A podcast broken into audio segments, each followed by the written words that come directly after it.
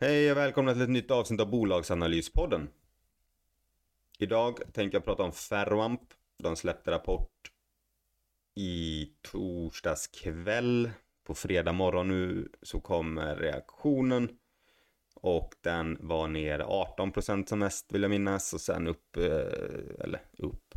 Sen ner 10-11%. Får vi se vad den slutar på här under dagen. Ferroamp grundades av Björn Jernström, därav namnet. Jernström Ferro, Amp. Det Ferroamp gör är att de har en energihubb som är en växelriktare. Den utgör hjärnan i deras system. Där du har solpaneler på taket. Strömmen som produceras av det här åker ner i växelriktaren och den fördelar ut det till olika delar i huset. Om du har ett batterisystem eller om den åker rätt in i din egen förbrukning eller om den åker ut i elnätet igen för försäljning. Så känner den här energihubben av lite grann vad det är mest nytta. Är det på dagen så känner den av att nu är det mycket sol, då laddar vi batteriet. Så på natten sen när solen gått i moln, då tar den ström från batteriet. Är allting laddat och klart och det är bra elpriser på marknaden, då skickar den ut det i nätet.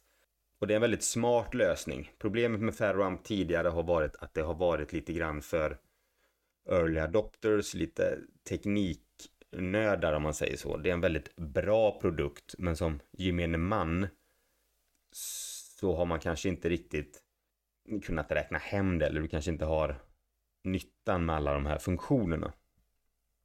Det är vad jag har fått ta till mig när jag har pratat med el eh, med diverse elektriker de har kopplat in en sån här. De har sagt att de är väldigt duktiga och det är top notch.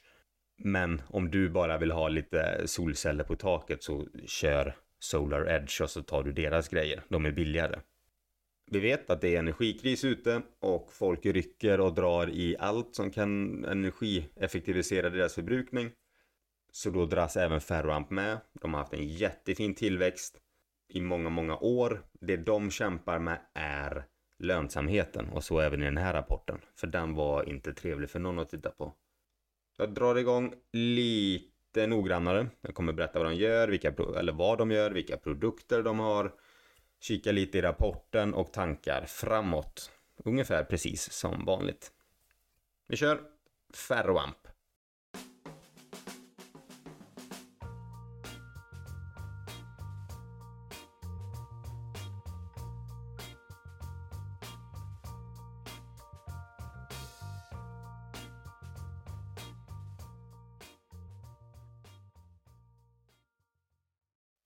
Ferroamp har ju ett system där hårdvaran består av energihubben.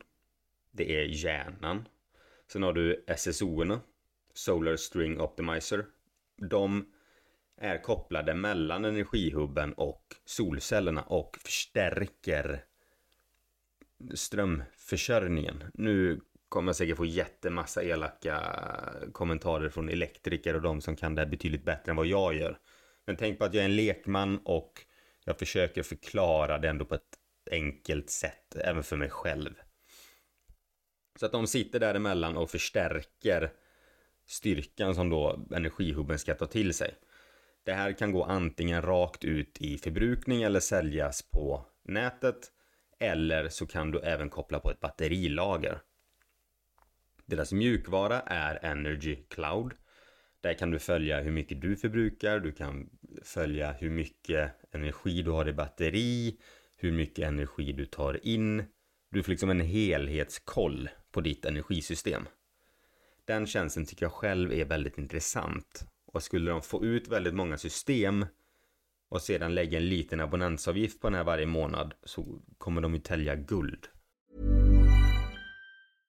Hiring for your small business? If you're not looking for professionals on LinkedIn, you're looking in the wrong place. That's like looking for your car keys in a fish tank. LinkedIn helps you hire professionals you can't find anywhere else, even those who aren't actively searching for a new job but might be open to the perfect role. In a given month, over 70% of LinkedIn users don't even visit other leading job sites. So start looking in the right place. With LinkedIn, you can hire professionals like a professional. Post your free job on linkedin.com slash people today. Millions of people have lost weight with personalized plans from Noom, like Evan, who can't stand salads and still lost 50 pounds. Salads, generally, for most people, are the easy button, right? For me, that wasn't an option. I never really was a salad guy. That's just not who I am. But Noom worked for me. Get your personalized plan today at Noom.com. Real Noom user compensated to provide their story. In four weeks, the typical Noom user can expect to lose one to two pounds per week. Individual results may vary. Hey, it's Ryan Reynolds, and I'm here with Keith, co star of my upcoming film, If, only in theaters, May 17th. Do you want to tell people the big news? All right, I'll do it. Sign up now and you'll get unlimited for $15 a month in six months of Paramount Plus Essential Plan on us. Mintmobile.com slash switch. Upfront payment of $45 equivalent to $15 per month. Unlimited over 40 gigabytes per month. Face lower speeds. Videos at 480p. Active Mint customers by 531.24 get six months of Paramount Plus Essential Plan. Auto renews after six months. Offer ends May 31st, 2024. Separate Paramount Plus registration required. Terms and conditions apply if rated PG. Olika funktioner med det här systemet. Det är att du kan ha fasbalansering. Du kan lägga in laddstyrning för eh, elbilar.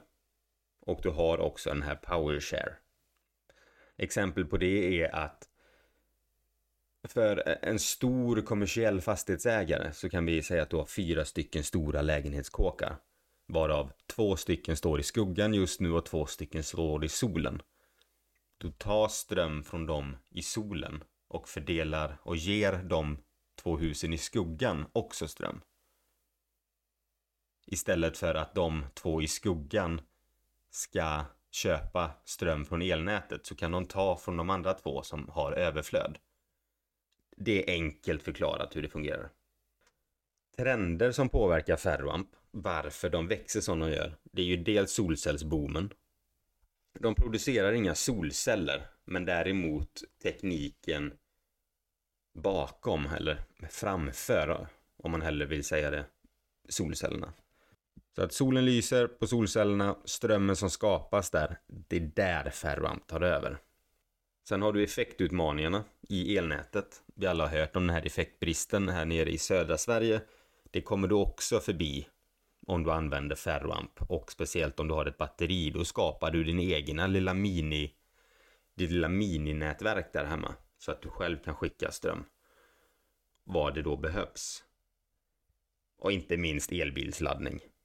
Om målsättningarna kommer ske nu att du kommer knappt ha några fossila bränslebilar produceras efter 2030 då du, du tvingar in hela länder i ett elektrifierat system. Om det är rätt eller fel, det är en helt annan fråga. Men om det sker så är det en enorm förändring som kommer att hända och då är det, det är svårt att inte växa i en sån marknad.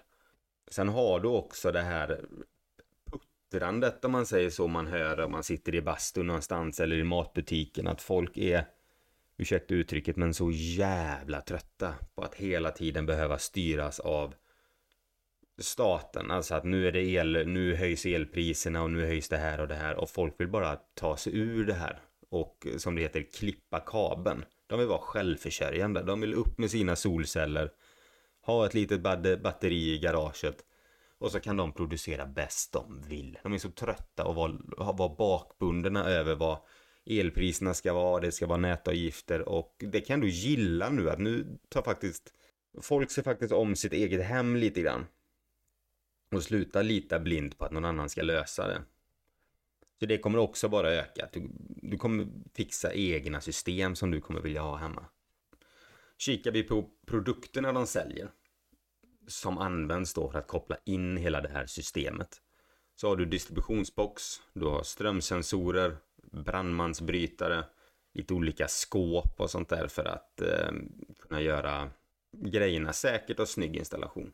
Sen har du batterilager du har eh, olika storlekar på batterierna om du kanske är en större fastighet, om du är en liten villa någonstans. Alla batterier har ju olika lagringsutrymme så att säga. Solsträngsoptimerare, det är ju de som ser till så att du får ut maximalt av varje solcell på taket. Energy Cloud, det är det monitor. Det är där du övervakar hela ditt elsystem. Och så har du energihubben då växelriktaren med andra ord. den som möjliggör hela det här systemet, att det ska funka. Sen kan du vidare i deras system koppla in då elbilsladdare. Jag vet inte om de har släppt den än, det är dåligt av mig, jag har inte kollat det noggrannare. Jag har lagt det några minuter men faktiskt inte hittat det. Men de har pratat om att göra en egen elbilsladdare. Men Jag vet att de också samarbetar med andra bolag om att använda deras. Så deras system är framtidssäkrat, vilket innebär att de ger, de möjliggör för olika pluginer i framtiden att kunna koppla upp sig på deras system. Det är inte så att om du köper deras system idag så kommer du, måste du köra med det här systemet i 20 år, utan du kommer kunna addera om det tillkommer nya produkter. Elektriker jag pratar med, de säger att Ferroamp är bra, de är jätteduktiga, de har jättebra produkter. Men att de också är ibland är de lite för bra. Alltså det passar inte alla hus. De behöver inte ha Ferroamps grejer. Men nu när dessa tider är så köper folk det som finns. Och de tecknar samarbetsavtal med alla stora elkedjor och grossister så att produkterna finns och köparna finns.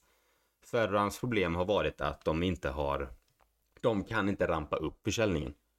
Eller produktionen ska jag säga.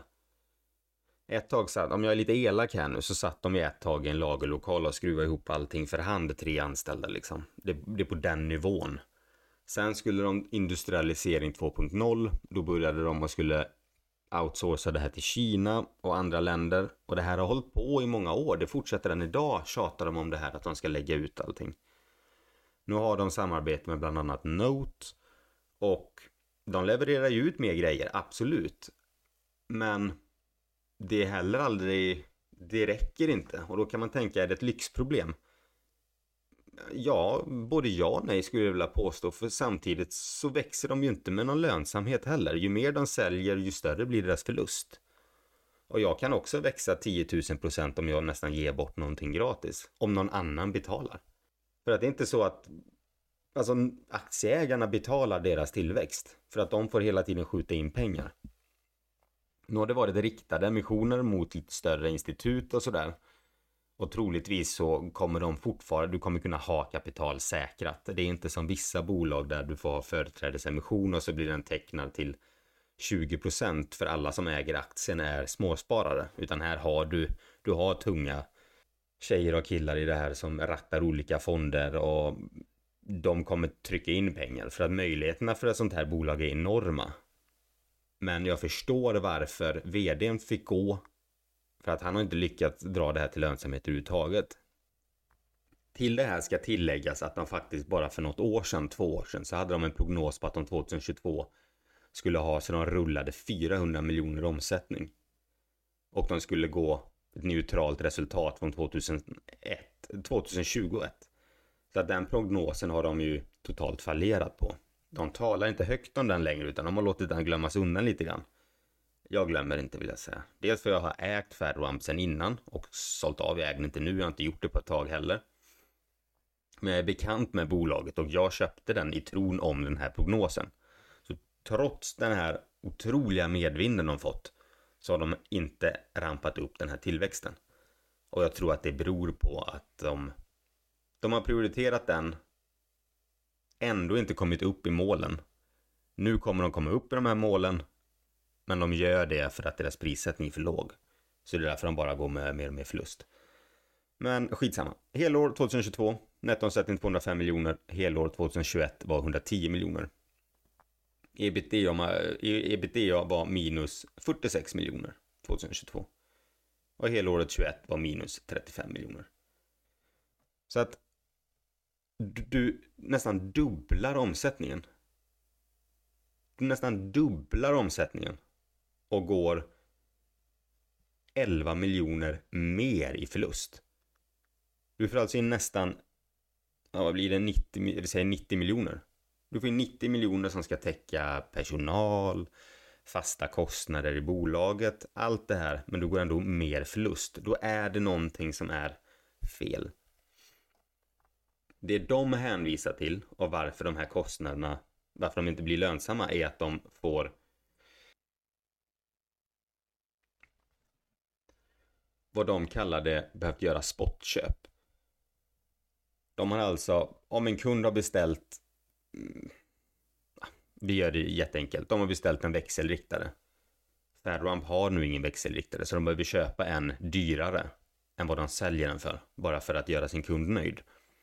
Jag gillar tanken med det, för man ska alltid göra sina kunder nöjda, annars har du ingen, inget existensberättigande kan jag tycka.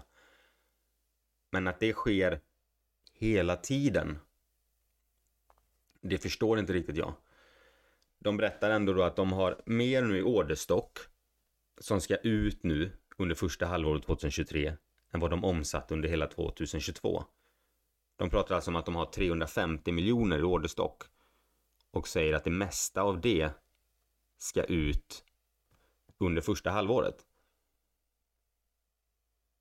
Och det här får inte jag ihop. Går, jag ner, går man ner och tittar lite grann på vad deras lager är så har de ett varulager på 42 miljoner. Så de menar alltså på att de ska leverera varor för 350 miljoner med ett lager på 42 miljoner och inte behöva göra mer spotköp för att täcka det här. Jag får inte ihop den kalkylen. Det är möjligtvis, de tecknade två nya avtal här nu i Q3 med bland annat Note för att rampa upp produktionen och kunna få ut mer och mer varor. Räcker det med det här så är det väl fantastiskt. Jag är lite tveksam på det. Jag tror de kommer ha fortsatt för lite saker i lager. Jag tror att de kommer få köpa, dammsuga lite överallt för att täcka sina åtaganden gentemot kund. Skulle de göra det, då, oavsett så kommer de göra nyemission. Jag har väldigt svårt att se någonting annat. De hade periodens kassaflöde var minus 48 miljoner. Och de har 55 miljoner i kassa nu. Om bara nu Q1 skulle vara ungefär liknande som det här, då rullar de inte mer. Så att nyemission kommer komma. Frågan är på vilken nivå. Historiskt har de ju satt dem väldigt lågt. Jag vet, jag, för mig jag var med någon gång, jag tror rabatten var 25% eller någonting, om inte ännu mer. Det var inte så att man var superglad. Det var där någonstans jag sålde av. Kände att det här är inte hållbart för mig då. Nu har bolaget mognat lite, de har fortsatt och tillväxten finns där, lönsamheten finns inte där. Kikar vi på kvartalet bara så hade de en nettoomsättning på 63 miljoner. Aktiverat arbete på 12 miljoner, vilket innebär att du har intäkter på 74 miljoner kronor. Rörelsens kostnader handelsvaror minus 56,6 miljoner. Övriga externa kostnader minus 23,4 miljoner. Personalkostnader minus 22,8 miljoner. Avskrivningar en minus en miljon, övriga rörelsekostnader minus en miljon. Så rörelsens kostnader landar på ungefär 103 miljoner. Vilket innebär att du har ett rörelseresultat på minus 28,5 miljoner.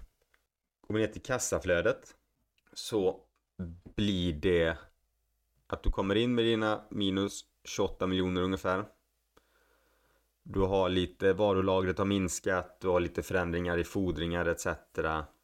Du har investerat i, immateriella materiella anläggningstillgångar, forskning och så, sådär.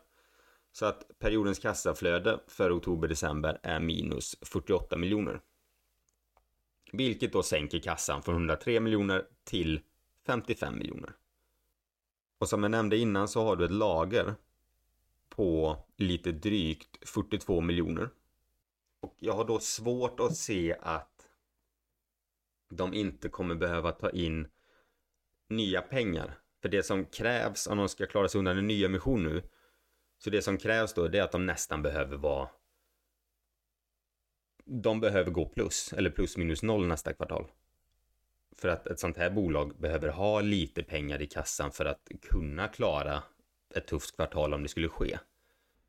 Summering av bolaget är att de gör en väldigt bra tjänst. Den är väldigt eftertraktad. De är bra på det de gör. Tillväxten finns där, marknaden finns där, de växer så det knakar och de kommer troligtvis fortfarande göra det. Du har starka ägare. Du har grundaren är kvar med runt 10%. Du har Wallenstam är där inne och äger. Du har diverse fonder. Så att kapital kommer finnas här. De, de har starka ägare och vad jag gillar är att de har Wallenstam. De är, håller på med fastigheter, de bygger fastigheter och utan att lova för mycket skulle jag vilja säga att 90% av deras grejer kommer ju då köpas av Ferroamp där det går att köpa av dem.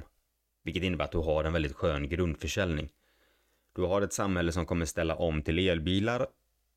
Samhället kommer slå om för mer lokalt producerade el. Och där är Ferroamp med patent och med en väldigt stark teknik. Nackdelarna i Ferroamp är att de har väldigt, väldigt, väldigt tufft att nå lönsamhet.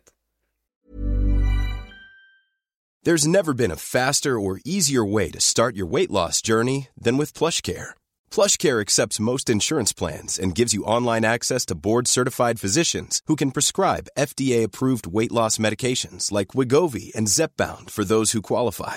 Take charge of your health and speak with a board-certified physician about a weight loss plan that's right for you. Get started today at plushcare.com slash weight loss. That's plushcare.com slash weight loss. plushcare.com slash weight loss. Many of us have those stubborn pounds that seem impossible to lose, no matter how good we eat or how hard we work out. My solution is PlushCare. PlushCare is a leading telehealth provider with doctors who are there for you day and night to partner with you in your weight loss journey. They can prescribe FDA-approved weight loss medications like Wagovi and Zepbound for those who qualify. Plus, they accept most insurance plans. To get started, visit plushcare.com slash weight loss. That's plushcare.com slash weight loss. Wow. Nice. Yeah. What you're hearing are the sounds of people everywhere putting on Bombas socks, underwear, and t-shirts made from absurdly soft materials that feel like plush clouds. Yeah, that plush. And the best part? For every item you purchase, Bombas donates another to someone facing homelessness. Bombas. Big comfort for everyone. Go to bombas.com slash ACAST and use code ACAST for 20% off your first purchase. That's bombas.com slash ACAST. Code ACAST. De har enligt mig två vägar att gå här. Antingen så går man på den vägen de verkar vilja gå. Att bara öka försäljning, få ut så mycket som på marknaden som möjligt. Då öppnas deras eftermarknad upp. De har många de har många produkter ute där de kan sälja sin eh, molntjänst till. Så att du får väldigt fina marginaler på molntjänsten. Att de vill då bli mer mjukvara. Som investerare hade jag respekterat det. Om de hade sagt till mig så här, vi kommer växa fort, det kommer kosta, men vi vill få ut så många av våra produkter som möjligt för att vi kommer kunna göra mer försäljning till det här sen. Det är våra molntjänst som de riktiga pengarna kommer komma in på. Den andra vägen de hade kunnat gå är att faktiskt bara våga ta betalt för sina produkter. Vi är premium och det kommer kosta därefter det är inte hållbart att de ligger så lågt i pris att de går inte med vinst trots den här tillväxten, trots den här marknaden. Absolut att priserna har gått upp. Det kan jag köpa med. Men å andra sidan så är det väl nu de har en otroligt fördelaktig tid att höja sina priser. När inflationen går upp, alla priser går upp överallt, då borde de kunna höja med. Och det skriver de, att de har börjat höja sina priser och det börjat slå igenom. Men samtidigt tycker jag det att det känns inte som att det verkar ha slått igenom jättemycket. Och varför börjar de höja nu? Varför har de inte gjort... Det saknas liksom det här drivet på lönsamheten som förhoppningsvis nu kommer. Om de kommer höja sina priser och även om deras samarbete med exempelvis Note slår igenom så att de säkrar sin leveransförmåga och hittar den här volymen, du behöver, man behöver inte sälja till alla. Man kan välja projekt att oj, här kommer vi gå med vinst. Det här, den här affären är en no-brainer. Ja, men då tar man den affären. Ska man behöva sitta och räkna i 4-5 timmar på någonting är lönsamt, ja men släng den då. Orderstocken finns ju där. Istället för att ha 350 miljoner i orderbok, ja men ha 150 då istället, men det är väldigt bra affärer på den. Och så kan man prioritera sin produktion på vissa grupper. Nu känns det som att de tar det de får, de har sina listor att gå efter och så kör de. Jag tror att det kan resultera i att det kan bli eh, nyemission givetvis, men kanske ytterligare ett, två, tre kvartal inom, innan prishöjningarna slår igenom. Innan underleverantörerna har trimmat in deras produktion. Jag vet inte om det ligger på fast pris eller om det beror, eller hur de lagt upp sin betalning till underleverantörerna, men allt sånt där tar tid. Du kan inte lägga någonting, outsourca det och så ska det funka från dag ett, utan det kommer behöva trimmas in där med. De behöver också jobba med inköp. Lagret är inte stort. Det täcker jag fortfarande lite konfunderad över hur de ska få ut 350 miljoner orderstock med ett lager på 40 miljoner och att deras spotinköp kommer minska. Här får man ju bara välja då att lita på dem då, de har väl koll på det. Att hoppas att de inte skriver det och så vet de inte riktigt hur de ska lösa det. Ferroamp har haft några år på sig där tillväxten har varit lugnare och hade de i det läget planerat för en tid med betydligt större efterfrågan då hade de här problemen de har nu inte funnits. Utan jag tror att det har det har gått för långsamt helt enkelt. Och sen när tillväxten väl kom, då exploderade den. Det är inget, ja men ja, hellre så än tvärtom givetvis, men det är inget lätt läge att hamna i som bolag att överösas av ordrar, att det går för bra för dem. För problemet är att de har inte produktionen på plats, de har inte lagret på plats, de har inte kapitalet på plats. De har växtverk åt alla håll, musklerna går sönder i det här bolaget just nu. För att de bär inte upp det. Troligtvis kommer det komma en ny nyemission om den landar mm, på en hundra eller om de tar in ännu mer pengar och gör, tar in pengar för sista gången. Det låter jag vara osagt. Men jag tror att det kommer ta i alla fall säkert ett halvår, ett år för underleverantören att trimma in sin produktion så att de kan hela tiden få ut så mycket som de vill ha i slutändan. Orderstocken är inte ens säkert att den kommer minska, den kanske faktiskt bara fortsätter öka. För att väntetiderna är rätt långa på att få sina system och att det här kommer nog bara bakas på hela tiden. Och ett sätt att få ner den och även öka till lönsamheten det är att höja betydligt mer än vad de gjort i priserna. Så hade man kunnat sänka priserna längre fram då om exempelvis elstödet, eh, inte, inte elstödet, vad heter det? Det gröna avdraget, om det försvinner, då kan jag köpa att man vill ligga lägre i pris. Men om staten nu kör sin gröna agenda och är beredd att betala, dels för att skapa jobb och dels för att vi ska få mindre koldioxidutsläpp. Det är ett skatteavdrag ska tilläggas och då är det på arbets och materialkostnaden när du investerar solceller, laddstationer och batteri. Det möjliggör ju då att du, alltså fler har råd med det och folk passar på så länge det här avdraget finns. Man har sett det i tidigare i deras rapporter att när det har varit spekulationer om att man ska ta bort bidraget, eller avdraget ska tilläggas, då har försäljningen gått upp för att folk vill passa på att få sitt avdrag. Och när det har kommit ett nytt avdrag, då lugnar sig försäljningen igen. För att då vet de att då är det ingen brådska. Det här måste du ha koll på om du äger Ferroamp. Utan de flesta, om de köper Ferroamp, nyttjar och vill och gör det bara för att de får avdraget. Jag kan sitta här och prata jättelänge om Fairwamp faktiskt. Jag tycker det är ett så pass kul bolag och jag har följt dem länge sedan de börs, börsintroducerades. De har aldrig fått in lönsamheten och de har alltid haft fantastiska ursäkter på varför de inte fått det. Det har varit de hade för mycket produktion inhouse, sen var det komponentbrist och sen var det corona. Den legit, det fattar jag med. Nu går de tillbaka och så flyttar de produktion lite från Kina. Nu ska de in hit igen. Där du har i Polen, du har i eh, Sverige och du... Det känns som att det rattas lite halvskumt det där. Och som svar på det, vdn fick ju gå, en ny vd tillsatt. Troligtvis kommer han städa ur och blåsa ur det här, skulle jag tippa på. Ofta så brukar de göra det, en ny vd kommer in, han vill ha det på sitt sätt eller hon kommer göra om, ta lite kostnader och eh, det är också ett tecken på att det troligtvis kommer en ny emission. Han kommer vilja ta in pengarna och så försöka göra om och göra rätt. Ett sånt här bolag tycker jag mycket väl skulle kunna, om det är välskött och bra bolag, skulle mycket väl kunna ha en vinstmarginal på 10%.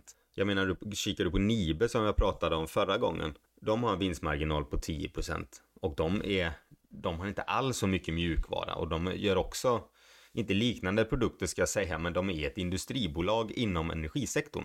Och här har du en ännu mer nischad aktör inom miljösektorn och borde således också kanske kunna ta lite högre priser för att de är som sagt väldigt nischade och duktiga på det de gör. Om vi leker med någon form av värdering här nu. Men om vi nu leker att de har 350 miljoner i orderstock. Den här kommer ökas på.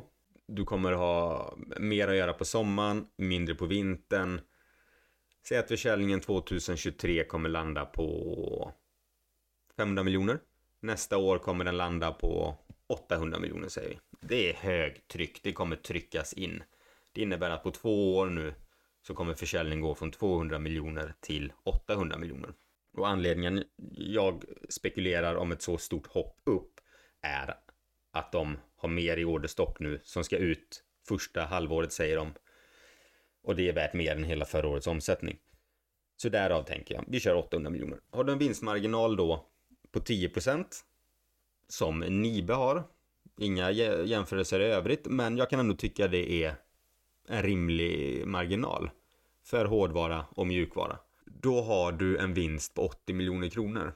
Då handlas bolaget idag till ungefär P10 två år framåt och då ska mycket klaffa. Och det är ju väldigt billigt för att ha ett sånt här bolag till P10. Nibe har P 50-60, då ska kursen upp fem gånger. Men det är också mycket som ska klaffa. Men det är så här, man får leka med omsättningen och, vi, och marginalerna för väldigt mycket här beror också på vilka typer av produkter de säljer. Vissa saker har de hög marginal på, vissa har de lägre marginal på och det slår väldigt mycket beroende på då vad det är de säljer. Mina tips framåt med Fairramp Förvänta dig en nyemission du behöver inte kasta dig ut och sälja någonting. Jag vet inte, alltså den kanske går till premium, det vet man ju inte. Nu tror jag inte det, men historiskt har den varit ganska hög rabatt på nyemissionerna. Följ också om det kommer fortsätta med eh, avdrag på det 50% i avdraget som är nu. Om det försvinner bort så kommer det slå direkt på omsättningen. Följ priserna egentligen, alltså du vill se att de höjer priserna. Så det är marginalförbättringarna de måste göra mer och de håller på. Men vi får se vad det tar vägen. Det är spännande tider i alla fall. Och eh, det är synd på ett sånt bolag med så mycket möjligheter.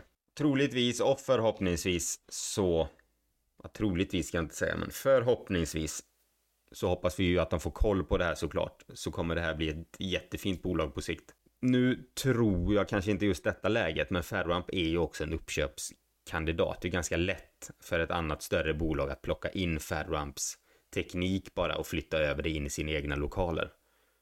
De flyttar över hela varumärket, de flyttar över deras kundkontrakt, orderstocken och så bara de tar över och lägger produktionen i deras egna fabriker. Den möjligheten finns ju, det är inget man ska spekulera i, men det här är en marknad som konsolideras. Nu ska jag inte störa mer, så får ni ha det bra så länge och ta det lugnt. Ha det bra!